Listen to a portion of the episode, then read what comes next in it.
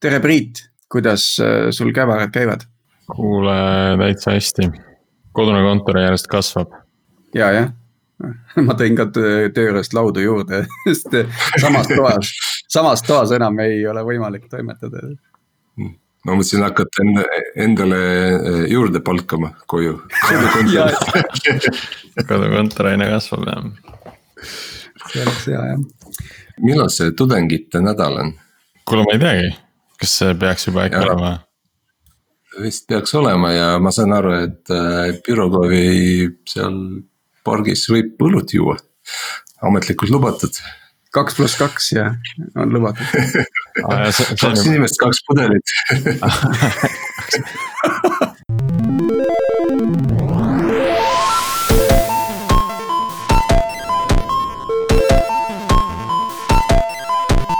tere taas kuulama Algorütmi, täna on kolmekümnes aprill, mina olen Tiit Paananen Veriffis ja tänases saates on ka Priit Liivak Nortalist ja Sergei Anikin Pipedrive'ist, tervist, härrased. tere. tervist. kuidas teile nüüd, kuidas teile nüüd tundub, et kas olete äh, uuesti hoo sisse saanud, saanud ja kiired ajad on tagasi? No ma ei tea, äh, Tiit, mul äh, nii kui see koroona asi hakkas pihta juba kuus nädalat tagasi vist mul on sihuke tunne, et nagu orav ratas, noh, algusest peale olnud, et see hoog ei ole kunagi ära kadunud, pigem on hoog, hoogu juurde tulnud. mul on pigem ka seda hoogu juurde tulnud, et enne oli nagu okei okay., nüüd see on vist selline suveeelne aeg, eks sihuke suvi ja september ole kiirevad ajad alati. aga ma suutsin leida enda jaoks eh, natuke aega tagasi tunnike, et õppida rasti näiteks. nii et eks see vaba aeg pole ka kuskile päris ära kadunud. nii et eelmine episood andis sulle inspiratsiooni, mis sa siis Rustist teada said? no veel mitte midagi, sest äh, ma olen üsna seal äh, hello world'i if lausete ja, ja loop'ide piirimail, ma pean ilmselt siin paar peatükki edasi ketrama ennast. Okei okay., ma võin ka öelda, et äh, kodukontoris toimetamine on, on nii isiklikule produktiivsusele kui ka kui ka vähemalt eh, nii-öelda tarkvaraarenduses produktiivsusele kaasa aidanud, sest rahvas on hästi tähelepanelik, mis Slackis toimub ja inimesed reageerivad kiiresti ja koosolekud on fokusseeritumad ja lühemad ja nii edasi, et tegelikult see on selline huvitav, huvitav uus trend, et ei tea, kas me üldse kunagi läheme tagasi sellesse, sellesse kontoris minglimise juurde nagu sellisel kujul, et pigem ma arvan, et see on mingisuguse uue trendi algus praegu. aga meil on külas ka Julia Jolkin, tere. ja täna siis räägime Eesti tööturust äh, ja just nagu praeguses, tänases päevas, et. Et räägi, Julia, mõni sõna äkki endast ja, ja mida sa praegu teed ja, ja kuidas sa siia oled jõudnud, et mida sa varem oled teinud? olen äh, IT-värbaja, IT-talendi, IT-värbamisagentuuri asutaja et olen pea kuus aastat juba Eesti arendajaid tülitanud põnevate tööpakkumistega. ja, ja varasemalt olen HR äh, rollis töötanud IT-firmades ja olen üks äh, esimestest Eestis, kes on saanud kutseliseks IT-värbajaks. kaks tuhat neliteist panin äh, alust oma ettevõttele ja eelmisel aastal oleme olnud Äripäeva top kolmes töövõtuagentuuride alal just täpselt CV Keskuse ja CV Online'i vahel. palju õnne! aitäh ja see oli enne kriisi, vaatame, kuidas me vastu peame äh,. Tänapäeval ma olen see, kes äh, ööpäevaringselt ütleme twenty four seven vestleb koondatud äh, IT-inimestega ja, ja toetab ja siis äh, teeb karjäärinõustamisi ja muidugi see aitab mind ka kursis olla, mis tööturul äh, tegelikult toimub aga läheks kohe selle juurde, et milline see Eesti IT nagu tööjõuturg oli enne kriisi? No raske oli muidugi leida seenior tasemel arendajaid või mingisuguse kitsa kompetentsiga arendajaid, IT-spetsialiste oleme hästi palju välismaalt ka öö, otsinud ja, ja oleme väga palju vaeva näinud selleks, et välisspetsialiste Eestisse meelitada äh,. hetkel ütleme, et meil on kümme inimest piiride vahele nagu rippuma jäänud, et ei saa tööpakkumised on juba vastu võetud, aga nad ei saa Eesti ettevõtetes alustada, kuna ei saa siia tulla. Ja ma äh, kujutan ette, see vär, välisspetsialistide värbi, värbamisteema kaotab oma popu, populaarsust sellel aastal kas varasemalt äh, toimus ka teistpidi liikumist, et, et äh, välismaa ettevõtted värbasid Eestist, et kas, kas sa puutusid ka sellega kokku või see käis kuskilt teiste agentuuride kaudu? mina olen alati värbanud Eestisse, Eesti ettevõtetele, ma ei ole kunagi otsinud väljaspool äh, Eestist kliente. mingisugune liikumine oli ikka olemas, aga see oli hästi tagasihoidlik võrreldes sellega, mis siseliikumisega toimus äh, ma tahtsin küsida need kümme inimest, kes on piiride vahel, et kas äh, ettevõtted, noh, praegu on kõik äh, niikuinii töötavad kodudest, et kas need ettevõtted ei võimaldanud siis nendel inimestel lihtsalt alustada tööd sealt, kus nad on praegu? kahjuks ainult üks sai äh, alustada oma riigist ja paljud ettevõtted ikkagi jälgivad oma reegleid, et nendel on kindlad äh, reeglid, mis ei võimalda ikkagi alustamist välismaalt kahjuks. nii et nende töö ähm, algus on tõstetud juuli peale.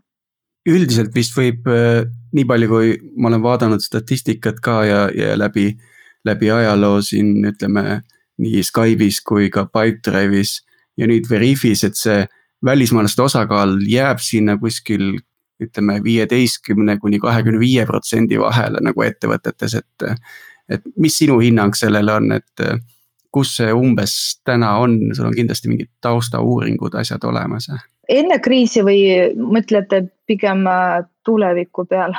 no enne kriisi just, et kus me nagu olime et...? ja ma arvan, et äh, kakskümmend olekski selline keskmine number no see muidugi sõltub ettevõttest, et me ei räägi näiteks võrdle Pipedrive'i Bolt või Bolti Eesti Energiaga on ju.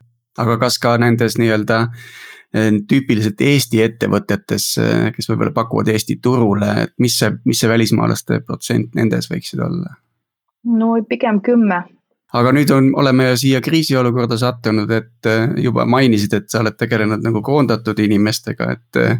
et äh, millal see nagu lahti läks? Äh, tegelikult see läks lahti juba aasta alguses suured koondamised olid juba veebruaris olemas, et seda kriisi tulekut oli Äh, päris äh, varakult tunda. veebruaris olid päris suured koondamislained juba ähm, toimumas. kas sa äkki saad võib-olla mõne ettevõttega nimetada, keda sa tead, et kes on koondanud? no nad pigem ei ole just koroonaga seotud, eks ole, et näiteks seesama MyJar või ähm, Cash on Go on äh, just teisel põhjusel oma Äh, inimesi koondanud ja üldse nagu pannaksegi praegu Eesti äri mm, vaikselt äh, kinni. Äh, mõned gambling firmad on koondanud, näiteks Betbava on grupi koondamisi teinud. noh, pigem sellised ettevõtted. oskad sa spekuleerida ka neid põhjuseid seal taga, et kas Eesti hind ühel hetkel nüüd Eesti arendaja Äh, hind on, on siis nii palju kallim kui, kui kuskil mujal ja seda teenust lihtsalt kolitakse äh, järgmisesse riiki, kus, äh, kus kvaliteet on enam-vähem sama, aga hind soodsam. või on seal taga midagi muud? taga on ikka majanduslikud põhjused, et majanduse alajahtumine on mõjutanud neid ja, ja no Maidžari puhul on nagu see mm, seadusandluse muutus ka mõjutanud nende otsust et ma ei ütleks, et keegi oleks nagu Eesti, Eestist arendust edasi kuskile teise riiki äh, viinud ja nüüd on ilmselt terve ports ka selliseid ettevõtteid, kes tollel ajahetkel olid niimoodi natukene piiri peal. ja, ja nüüd siis selle kriisi valguses on, on näinud, et äh, enam samal viisil edasi tegutseda ei ole võimalik. ja absoluutselt ja võin äh, kindlalt öelda, et kolmkümmend kuni viiskümmend protsenti Eesti ettevõtetest on koondanud või äh, solidaarselt äh, palka kärpinud. kui palju meil siin esimeses kvartalis nagu avatud positsioone nagu IT valdkonnas oli? no sellist statistikat mul kahjuks ei ole Uh, ütleme veebruaris-märtsis meil värbajatel isegi olid juunior taseme positsioonid töös, et isegi juuniore oli raskem mm, palgata. aga kas, kas see tähendab, et et, et see värbamiste maht tegelikult ju pidi langema samamoodi märkimisväärselt, kui, kui siis juba koondamislaine üle käis? kindlasti jah, ma arvan, et äh, veebruariga võrreldes on jäänud äh, umbes kolmkümmend protsenti pakkumisi aktiivseks. Ja mis, mis kompetentsid on need, mis justkui ei ole üldse mõjutatud äh, sellest eriolukorrast? Äh, ma ütleks, et DevOpsid on täiesti riskigrupist väljas ja neid otsitakse ja, ja et ei ole ühtegi koondatud DevOpsi näinud ja sellised mission critical rollid, et network administrators uh,, DevOpsid on uh, hetkel väga-väga uh, nõutud ja mu uh, senior mobiil, senior mobile developers või arendajad kes veel ja, ja väga üllatuslik see, et, et tegelikult otsitakse väga palju .NET arendajaid hetkel sel aastal aga kes need, mis need firmad, kes otsivad .NET arendajaid, see? no needsamad meie klassikalised äh, top.NET äh, tööandjad äh, on äh, näiteks Helmes, Gunvor, Arvato äh, ja nii edasi. Front-end on alati moes kes veel, keda otsitakse praegu. huvitav on see, et väga raske on leida Eestist Microsoft Dynamics ehk äh, majandustarkvara arendajaid. Kas nad on edasi liikunud äh, teiste tehnoloogiate peale või äh, ma ei tea, mis toimus, et äh, praegu. natuke selline nišivaldkond ka, et et neid on vist alati pisut vähem olnud, et sama võib ju öelda ka siin AppDynamicsi või, või Salesforce'i kohta, et. mingi väike seltskond kui, on kuskil, aga mitte väga palju. kui, kuigi see nõudlus kasvab, tunduvalt kasvab. Priit, kas Nortal ei, ei tegele siis Dynamicsiga? ei tegele, kusjuures meil on endal ka raamatupidamises üks Dynamicsi toode ja isegi selle äh, teenusearendus on äh, sisse ostetud, et see, see nõudlus ei ole piisavalt äh, stabiilne, et, et selle jaoks äh, tiimi peal hoida, et, et on, on ettevõtted, kes tegelevad ainult Dynamicsiga või peamiselt Dynamicsiga. Ja, ja nemad siis suudavad seda kogu kliendibaasi nii-öelda suuresti ära katta tegelikult. ja, ja need mainitud rollid on need, kus me ei saa ilma välisspetsialistideta hakkama okei okay,, aga, aga kes, kes on need, kes siis said koondamisteateid, kes on ohus? Äh, minu teada on kõige rohkem kannatada saanud juunior ja middle level arendajad äh, ja testerid, QA, eriti manuaalsed. mis tehnoloogiad, mis tehnoloogiad on, on seal tehnoloogiate mingid trendid ka äh,? Java või ma ei tea, Node.js või PHP või kes need on? no ei, sellist ma, äh, sellist statistikat ma ei tooks välja ja, ja pigem sellised adminid, kes, äh, kes on projektijuhid, äh, ma ei tea, Scrum Masterid, mitte hands-on spetsid kas need, kui me vaatame, sina oled kindlasti väga palju CV-sid lugenud et, et võib-olla mõned arengud ka, et mida inimesed äh, täna oma CV-s kajastavad, kuidas nad seda kajastavad. kas seal on nagu mingi, ütleme, kui me võrdleme näiteks äh, kümne aasta taguse olukorraga, et äh, kuidas CV sisu on nagu arenenud? mida sa nagu näed seal, et võib-olla sealt ka mõned vihjed äkki tulevikus inimestele, et mida just sinna CV-sse panna, et olla nagu atraktiivne sellega ma tegelengi tänapäeval, teen karjäärinõustamise ja väga paljud arendajad ei oskagi CV-sid kokku panna ja peab tõesti aitama. ja minu soovitus on kohe panna nagu technical skills kohe nagu üles see, kus on introduction, eks ole, või about section, kas LinkedInis või CV-s, et äh, panna nagu oma vene, vereanalüüsi näitajad kohe välja, eks ole, et äh, kes äh, arendajaid otsib, nad tahavad juba näha, et mis tehnoloogiatega, keeltega on inimene töötanud ja mis tasemel ta neid oskab. ja, ja nemad just on õppinud seda paremini teha praegu kuigi ma siiamaani leian, et mõned on kirjutanud, et nad oskavad Wordi, Exceli ja mingi Windows XP või kaks Windows, Windows kaks tuhat, et nagu esimene armastuse roost on ju. et nemad ei saa no, kunagi CV-dest ära koristatud. et ähm, aga siiamaani. Sorry, ma, ma segan vahele, et mina, kui noh, ma olen pidanud ka hästi palju CV-sid vaatama ja, ja kui ma äh, Äh, näen, kus inimene hästi tugevate tehniliste, justkui tugevate tehniliste oskustega paneb kõrvale ka sellised lihtsalt kasutaja äh, oskustega märksõnad. Äh, siis mul kohe tekib küsimus üldiselt, et mida see, kas see inimene oskab üldse mõelda? et, et, et, et mõelda ka minu kui värbaja peale, et, et, et mida mina peaksin temast mõtlema, kui ta paneb nagu essential skills, et. et miks siis mitte panna, et ma oskan kõndida, ma oskan omletti teha, ma oskan, ma ei tea, lastega mängida, et. aga siit. ma arvan, et probleem on selles. ma tahaks Sergeile veel siin vastu vaielda korraks. et siis, siis võib ju ka küsida nii, et et kui mina kandideerin, et miks ma üldse panen sinna kirja, et ma oskan Rusti programmeerida, sest ma tean, et äh, Pipedrive nagunii Rustiga midagi ei tee. et ma võiks ju selle välja võtta, samas noh, teatud lisaväärtust see sulle ju annab ka, et. et see ei ole küll sama, sama küsimus päris, aga, aga ma arvan, et väga jõhkrat filtrit ka ei maksa teha sinna CV-sse, ma arvan, et probleem on selles, et keskmine Eesti arendaja lihtsalt võtab äh, oma vana CV, mis on tehtud mingi kaks tuhat, on ju, kaks tuhat üks CV keskuses või CV Online'is ja lihtsalt täiendab seda, et nendel ongi kõik nagu varasemast ajast, nad ei korista ära, nad ei tee otsast äh, peale, lisavad äh, lihtsalt asju juurde et siin hiljuti oli digikoristuspäev, äkki see oleks olnud siis ka sobilik hetk enda CV üle vaadata, sealt need. kes, kes, kes üldse osales selles äh, digikoristuse päeval? Priit, sa oled, kui palju gigabaiti sa oled ära kustunud oma laptop'ist? no tegelikult äh, ei saa öelda, et palju äh,.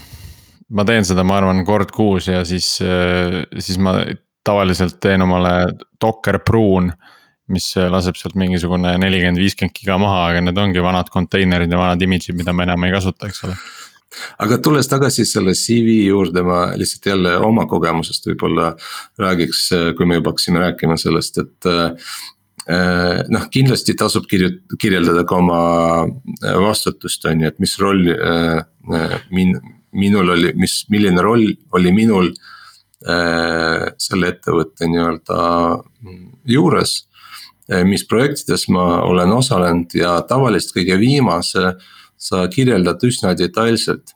noh, enam-vähem on ju, et, et mis tehnoloogiad, eh, mida me oleme teinud ja nii edasi, aga, aga siis, eh, kui sa noh, kui sa oled juba mitu aastat või mitu aastakümmend selles nii-öelda valdkonnas on olnud, siis tasub ka vaadata need varasemad kirjeldused, noh, need ju koguneb sinna juurde, on ju, et, et tasub neid lühemaks teha, sest kedagi ei huvita, mida mina olen teinud kakskümmend aastat tagasi, et see ei ole enam relevantne tänapäeval, on ju.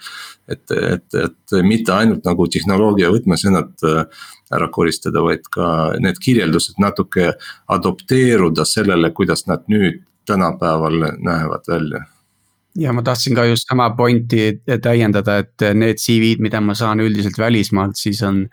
siis on, seal on projektid ja inimese roll selles projektis ja selle projekti areng ja lõpptulemus ja, ja mis oli tema nagu nii-öelda panus sellesse on nagu väga hästi lahti kirjutatud, samal ajal kui.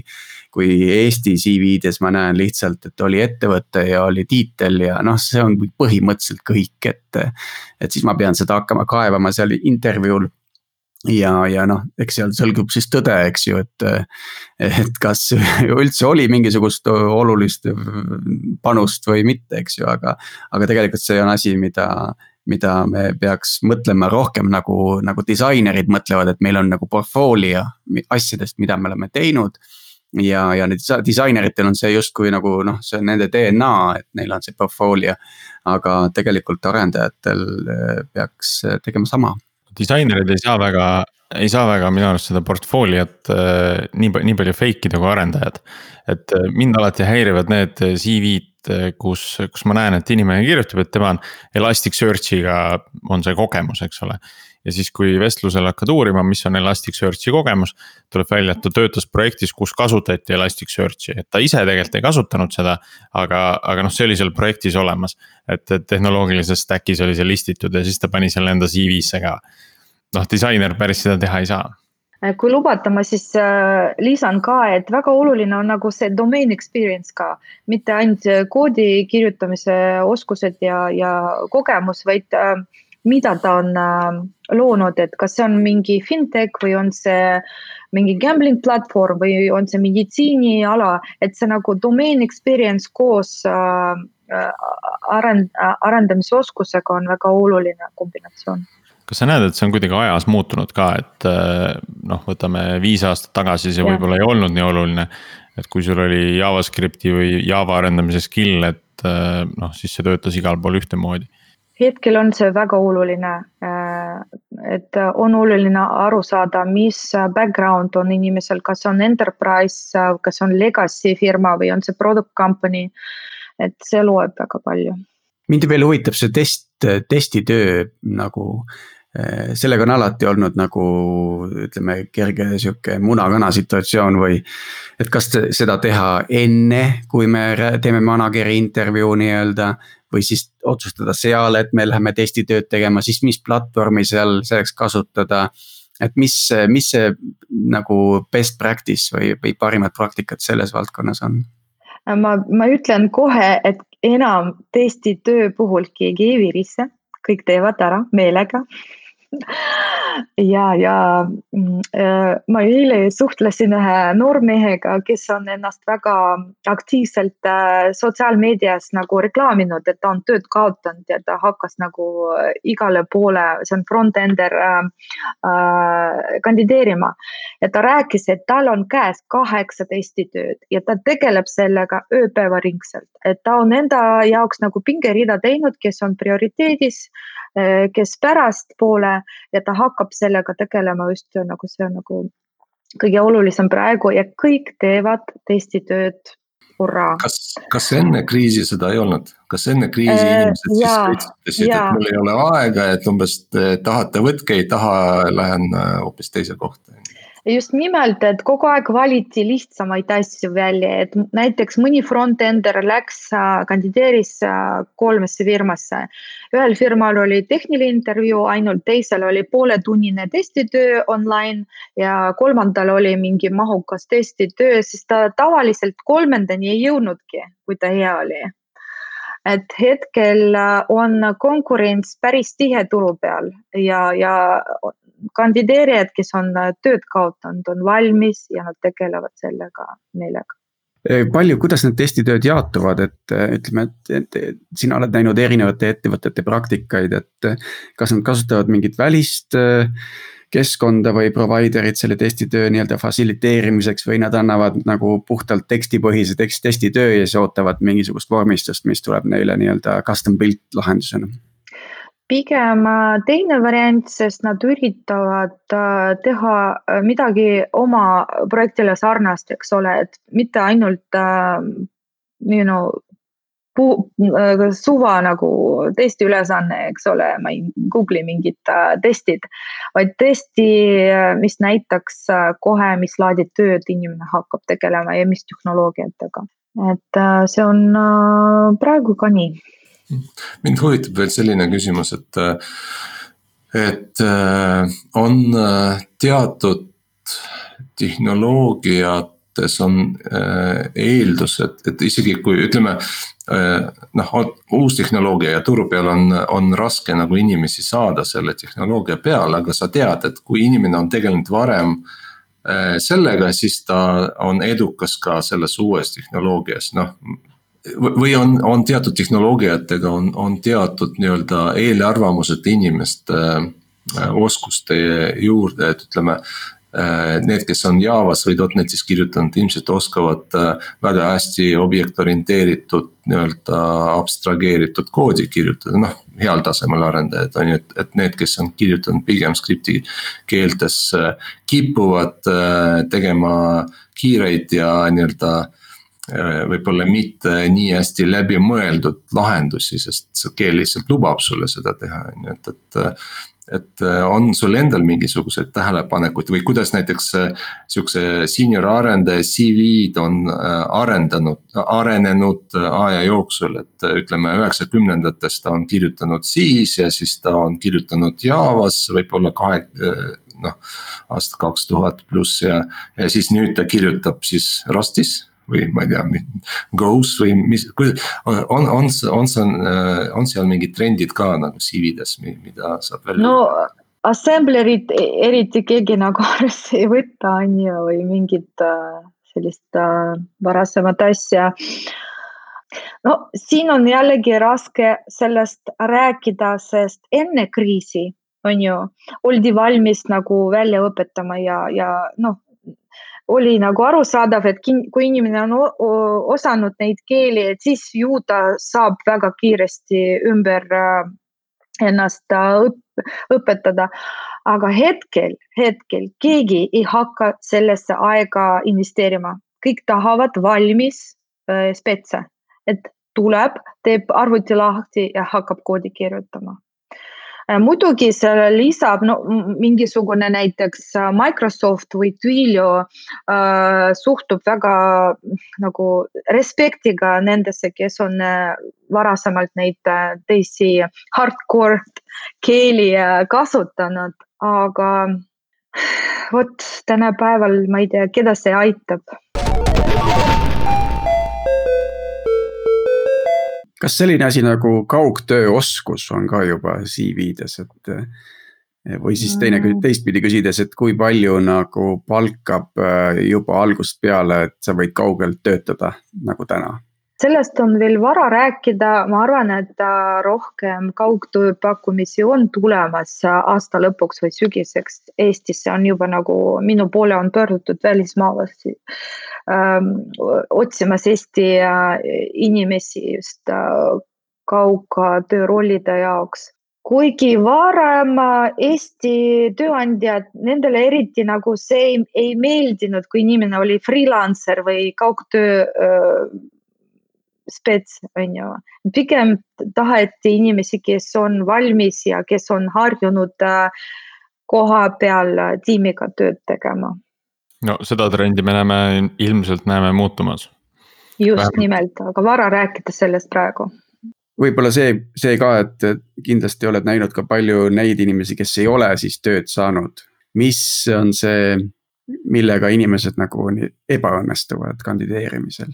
Jah, hetkel toimubki selline puha, puhastus turu peal. välja kukkunud on need, kes ei, ei leidnud aega inglise keelt äh, õppida juurde ja üldse õppida juurde, et need, kes ei ole viimase aasta jooksul äh, mingit uut tehnoloogiat või framework'i juurde õppinud, kes äh, just arvestavad nagu vanade teadmistega, et äh, need äh, ei saa paraku eriti edukaks äh, nüüd olla meie uues elus, on ju, et saavad ikkagi hakkama need, kes on harjunud kogu aeg õppima juurde midagi kas sa mainisid seda inglise keelt, kas, kas nüüd äh, ka nii-öelda traditsioonilistes Eesti ettevõtetes, noh nagu sa nimetasid, Eesti Energia või, või kes need, äh, kus on ka IT-osakonnad, et kas, kas seal ka nüüd nõutakse või soovitakse seda inglise keelt äh, või, või,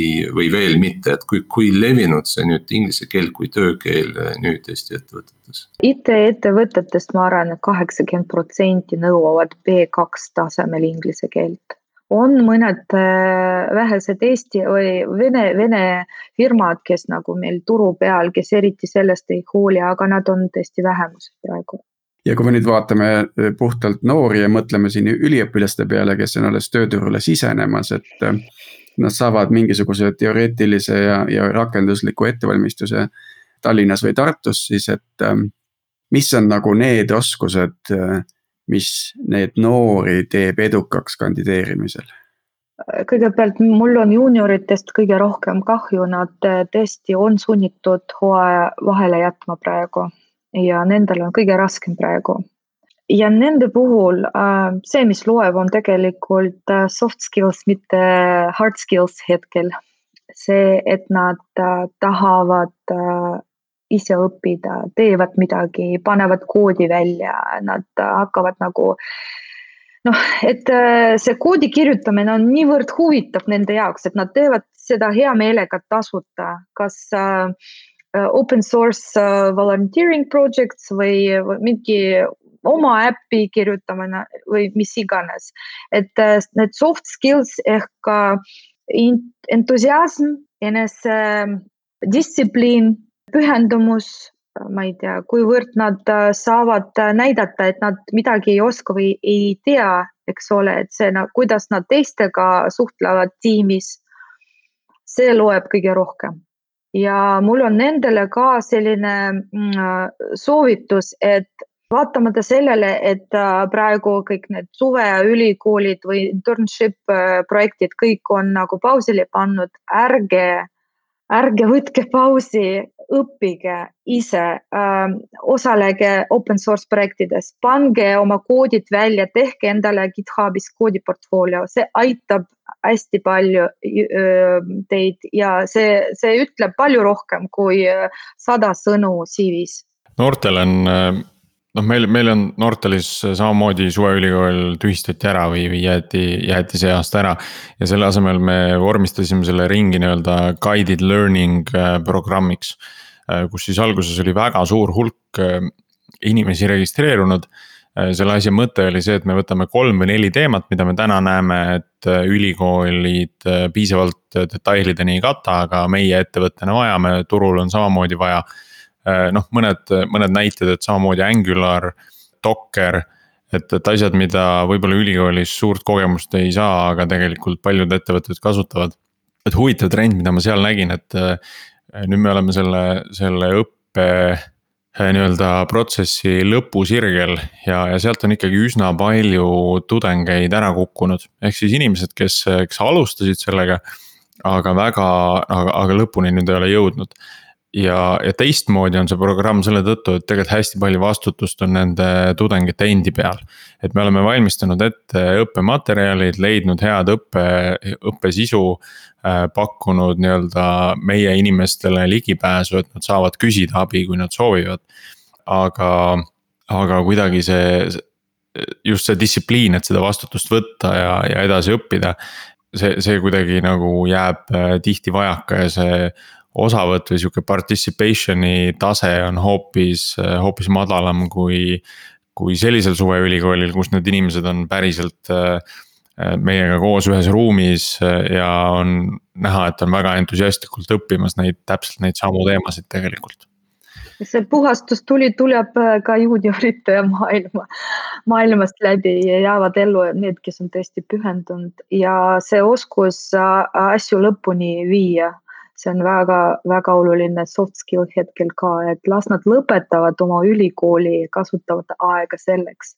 kui me juba ülikoolist räägime, siis äh, ma, ma pakuks ka sellise mõtte välja, et äh, ma olen siin aktiivselt äh, kirjutanud bloginud LinkedInis ja tegelikult Tartu Ülikooli esindajad on mulle kirjutanud sellise mõttega, et tegelikult kui mõni arendaja äh, kes on tööd kaotanud, sooviks ennast äh, parkida paariks aastaks akadeemilisse maailma äh, siis äh, nad oleksid väga-väga rõõmus, et nendel on just puudu web programming, mingi programming või projekti juhtimise õppejõude, kes on just praktikuid ja päris head palka pakutakse ka. tegelikult hea selline mõte mõnele, kes, kellele õpetamine meeldib võtke teadmiseks. kas seal on vaja ka mingisugust nii-öelda õpetamise kogemust või, või on mingid nii-öelda, kuidas see, mis see, mis see nüüd õige võõrkeelne sõna on äh,? didaktika või?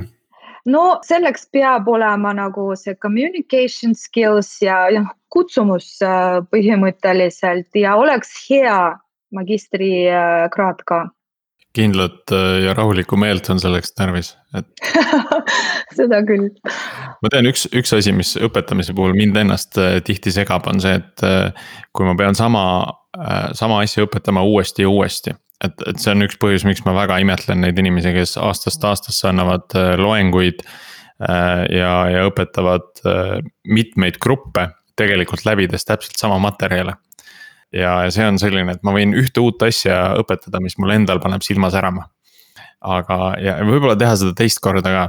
aga et ma teeksin seda kolmandat ja neljandat korda, siis selleks on vaja leida mingit täiendavat sisemist motivatsiooni, et äh, ma arvan, et Priit, sellepärast sa, sa oledki arendusega alustanud, sest kood on ju ükskord kirjutad ja käivitad seda mitu-mitu korda, ilma et sa peaksid ise pingutama. Ja, ja selle, kui ma, kui ma peaks õpetama midagi juba kolmandat või neljandat korda, siis ma juba tahaks automatiseerida seda kuidagi. Siis õpid ise ka selgeks. Lõpuks ja, ja see on oluline, et, et tegelikult õpetamisel väga oluline kõrvalnäht on see, et ise õpid ka et see on paratamatu, aga võib-olla veel selline küsimus, et äh, nüüd ütleme, et meil noh, Eestis on palju startup'e ja tuleb kogu aeg juurde ja tuhande ringis juba, et. et mis faasis või hetkel siis startup'id nagu sinu poole pöörduvad? et on, on siin mingit mustrit või, või sellist, äh, ma ei tea, sul on endal mingi pipeline äkki klientidest, keda sa näed, et oh, sellest äh, klient võiks saada varsti kliente, ma toon ühe näite.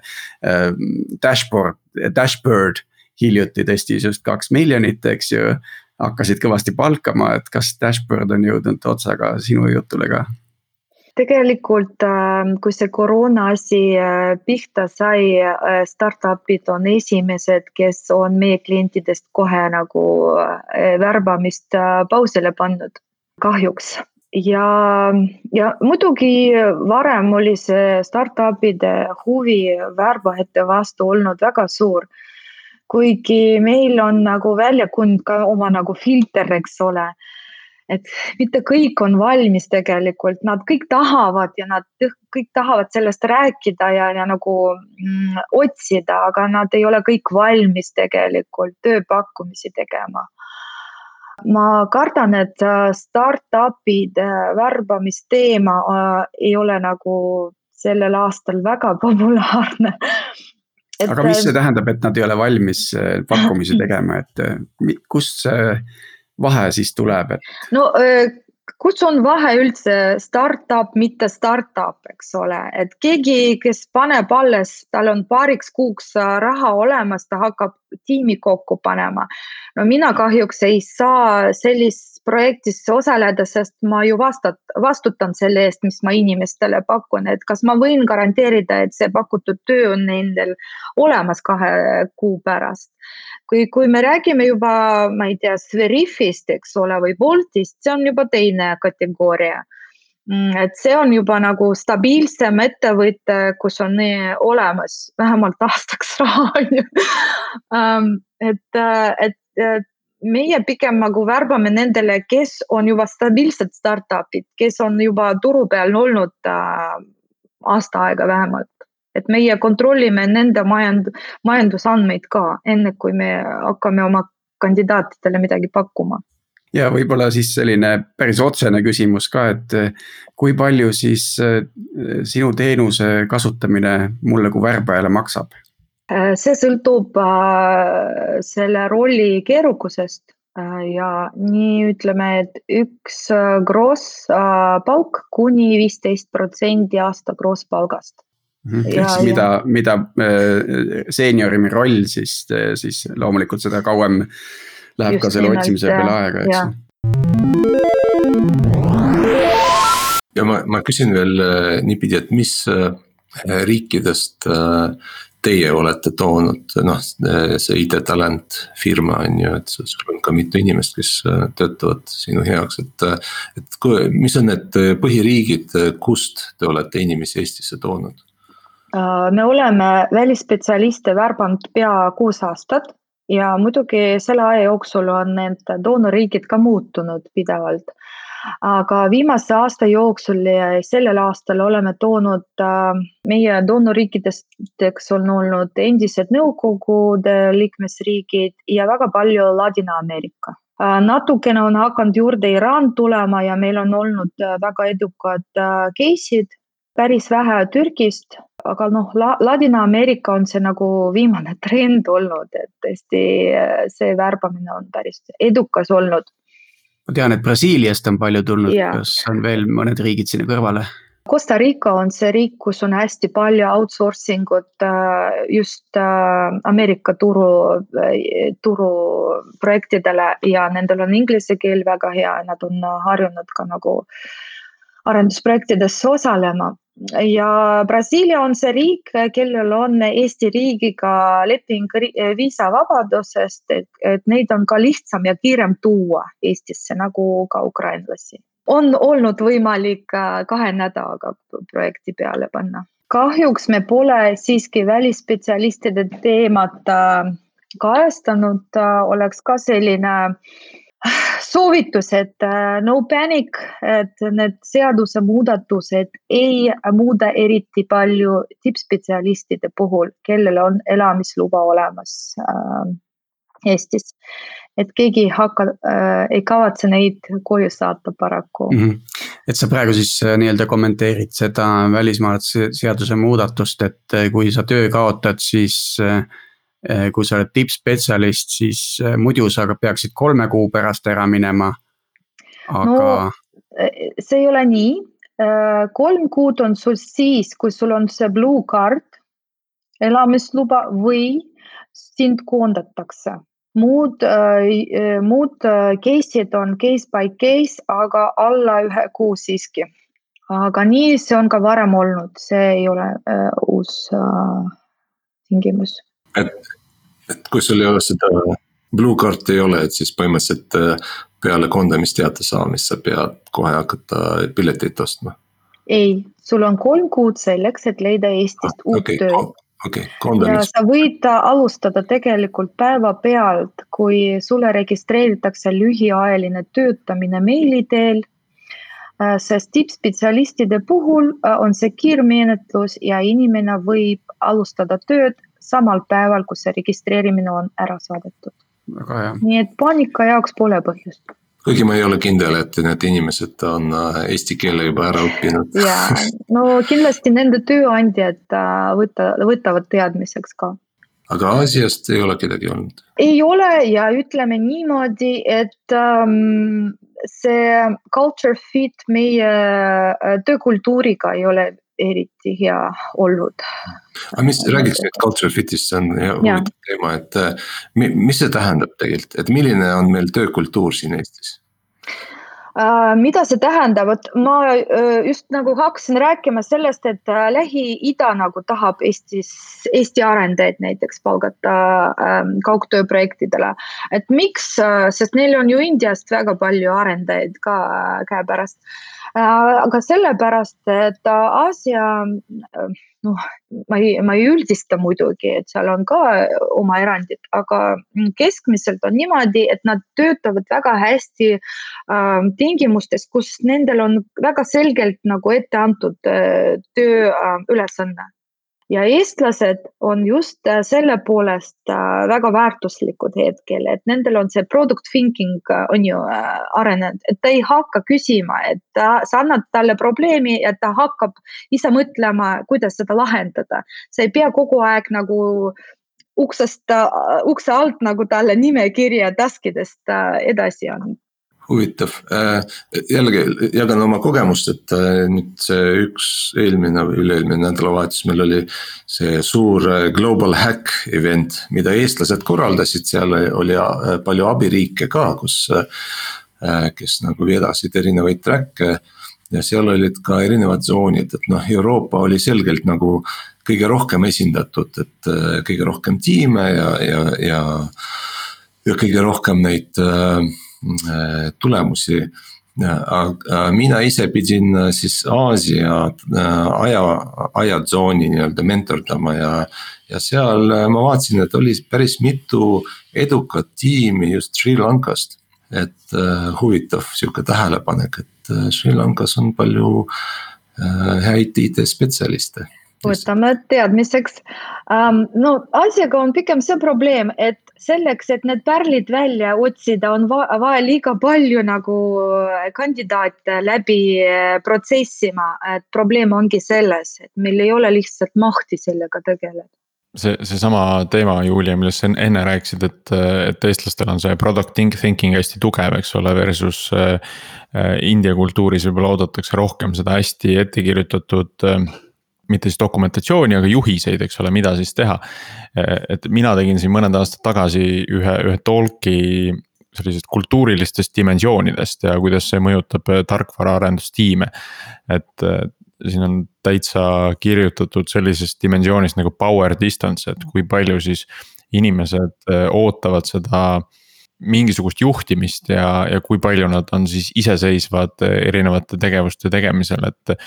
Või siis ka noh, Eesti kultuuris hästi tavaline, et kui minu, äh, minu juht mulle midagi ütleb ja ma ei, ei nõustu sellega, siis ma vaidlen talle vastu, eks ole, mitte lihtsalt ma ei lähe nina norgus nagu teise nurka seda asja ära tegema ja nendes, nendes riikides, kus see power distance index on, äh, on siis kõrgem. Äh, seal, seal siis pigem minnakse ja tehakse ära, sest noh, mu juht nii ütles, midagi ei ole teha, et see on juba kuidagi kasvatusest saadik tekkinud nii-öelda harjumus. Aga sellel on teine pool, et nad ei tunnista, et nendel on midagi arusaamatu või, või midagi puudu et see häirib oluliselt meie tootmisprotsessi. huvitaval kombel see eestlaste nii-öelda juhile vastuhakkamise kultuur teilt natuke mõjutab halvasti ka meie mainet just ütleme USA võib-olla ja, ja teistes kultuuriruumides, kus äh, see võib-olla on veel lisaks see, et, et me ütleme ka seda otse välja, me nagu ei kaunista kuidagi seda või, või ei tee hästi pikalt ettevalmistusi ja ei vabanda ette ja taha ja.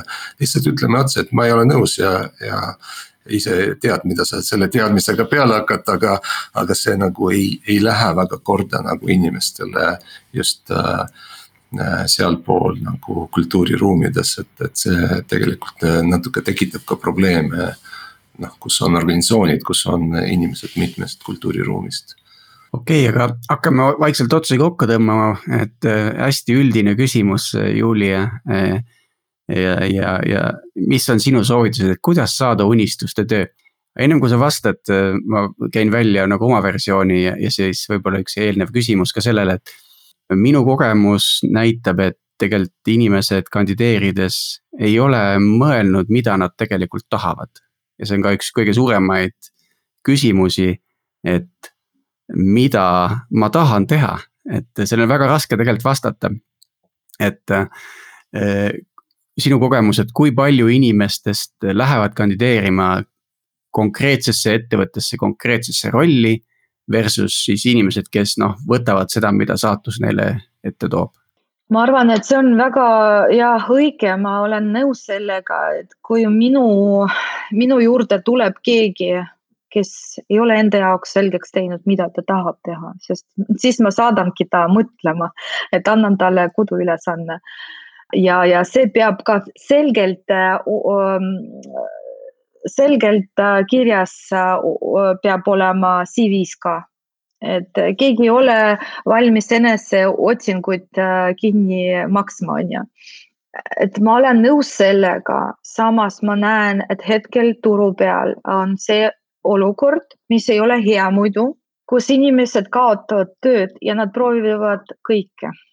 ja ma väga kardan, et nad hakkavad vastu võtma pakkumisi, mis ma, nad poleks muidu võtnud vastu lihtsalt sellepärast, et nendel oleks stabiilne palk.